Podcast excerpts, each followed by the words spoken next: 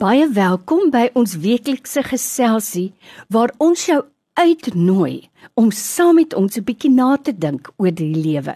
Ek nooi Dr. François Swart. Hy's 'n verhoudingskenner en hy's ook 'n kliniese en pastorale terapeut om met jou te gesels oor vrae wat dalk vir jou pla, oor lewenskwessies en uiteindelik wil ons regtig hoop dat jy by 'n punt kom waar jy sê, "Maar ek kies lewe." Dr. François Swart is hier by my in die ateljee. Hy is 'n verhoudingskenner en 'n pastorale en kliniese terapeut. Dr. François, hier sit ons nou, pens en potjies binne in 2021. Vinniger as wat ons gedink het, maar hier is ons nou. Nou is daar groot dilemma's in baie huisgesinne. Baie matrikulante het nou skool klaar gemaak.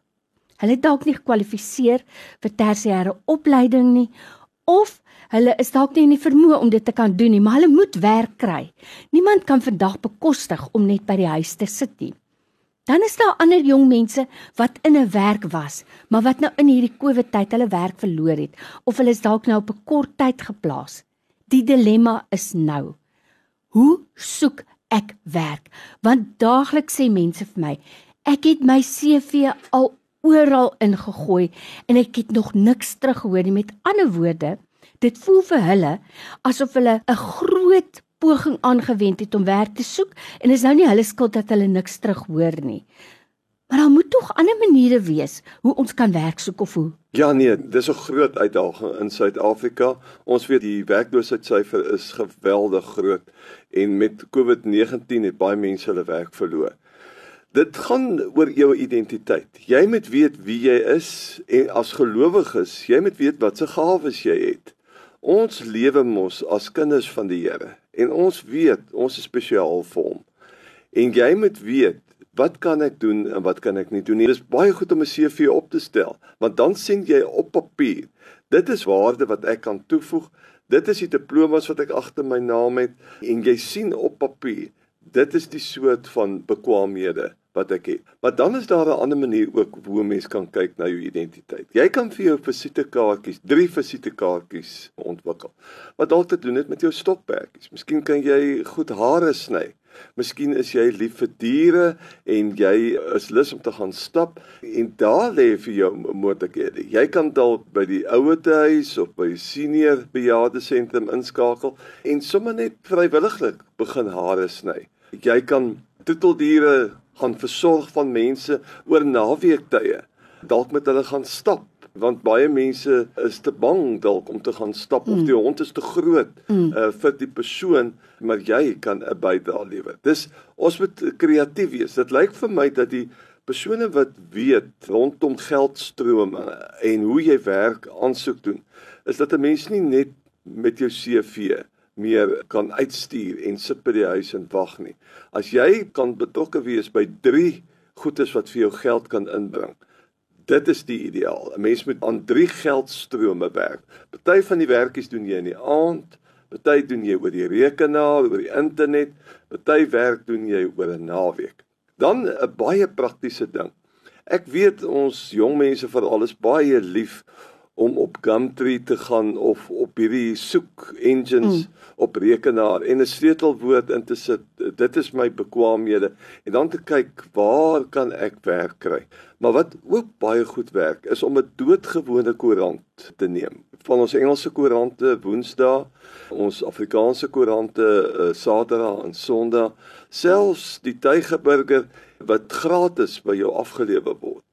En gaan sit net in 'n koffiewinkel met 'n pen en lees net deur die klein advertensies. Waar werk aangebied word. Waar werk aangebied word. Jy lees net dood eenvoudig daardie. Wat dan gebeur is jy het 'n idee gehad. Dit is al wat ek kan doen. Maar jy's nie heeltemal bewus van wat alles beskikbaar is daar buite nie. En nou sit jy met 'n koppie koffie en met jou pen in 'n koffiewinkel en jy lees hierdeur en ewe skielik kom hier iets net op wat jy net besef, wie ek kan dit doen en ek gaan aansoek doen daarvoor. En op dië manier begin jy bou aan verskillende geldstrome en probeer om ook by iemand uit te kom met wie jy gereeld kan praat oor jou frustrasie dat jy nie werk kry nie. Want uh, baie keer die werkloosheid dwing en bring vir ons by depressie. Ek is so bly Dr. Fransja dat jy altyd vir ons sulke praktiese raad gee en dit laat my nou sommer skielik dink aan een van ons luisteraars. Hy het sommer om besig te bly. Hy kon nou net by die huis gesit het op 'n bank, maar hy het besluit om die parkie naby hulle huis te begin skoonmaak. En so het hy dit nou gereeld gedoen, die parkie geskoon gemaak. Weet jy iemand van die stadsraad het hom opgemerk en hulle het vir hom 'n pos aangebied. En vandag het daai man 'n werk. Hy het nou meer as een parkie of 'n 'n algemene areaatjie wat hy moet skoonhou. Dit is vir my so wonderlik. Ek dink byvoorbeeld aan skole. 'n Mens kan jou diens gaan aanbied by skole en sê ek sal naweke kom en die area skoon hou en so bietjie my oogie hou. En jy weet miskien vir hulle sê, aanvanklik jy kan my baie min betaal. Ek wil regtig eintlik net besig bly, maar maak jouself onmisbaar. Iemand het gesê, werk jou in 'n job in. So dis lekker praktiese raad en ek hou daarvan as 'n mens nou deur die advertensietjies blaai dat jy skielik sien, "Haai my aard, maar dit kan ek doen." En dan Dr. Fransjoas baie waar. Jy weet werkgewers as hulle pos aanbied, hulle kry soveel CV's. Nou aan die begin het jy gesê jy moet jou CV opstel met alles wat jy kan doen. Maar is dit nie baie belangrik dat daai CV regtig professioneel moet lyk nie? Dalk miskien selfs 'n foto by hê. 'n Mens kan vandag jy moet weet jy kompeteer met mense wat regtig waar rekenaar geletterd is. So al moet jy iemand gaan vra om dit te doen, maar dit moet goed lyk, is ek reg? Ja, nee, ek dink jy moet van die begin af die dokumente wat jy uitstuur, kry iemand wat mooi vir jou kan help om dit uh, professioneel op te stel. Die foto-idee is is 'n baie goeie idee van jou kant. Maar jy het nou sulke mooi stories vertel. Ek wil graag ook net 'n storie vertel. Eendag werk ek met 'n persoon wat 'n onderwyseres is in wiskunde en wetenskap. En weet jy sy probeer werk kry en en sy kan net nie regkom nie. En sy stuur ook haar CV's uit en dinge loop net nie vir haar lekker nie. En ons het begin praat oor haar identiteit en wat is vir haar belangrik. En toe kom ons agter maar moet sy noodwendig in die formele onderwys ingaan.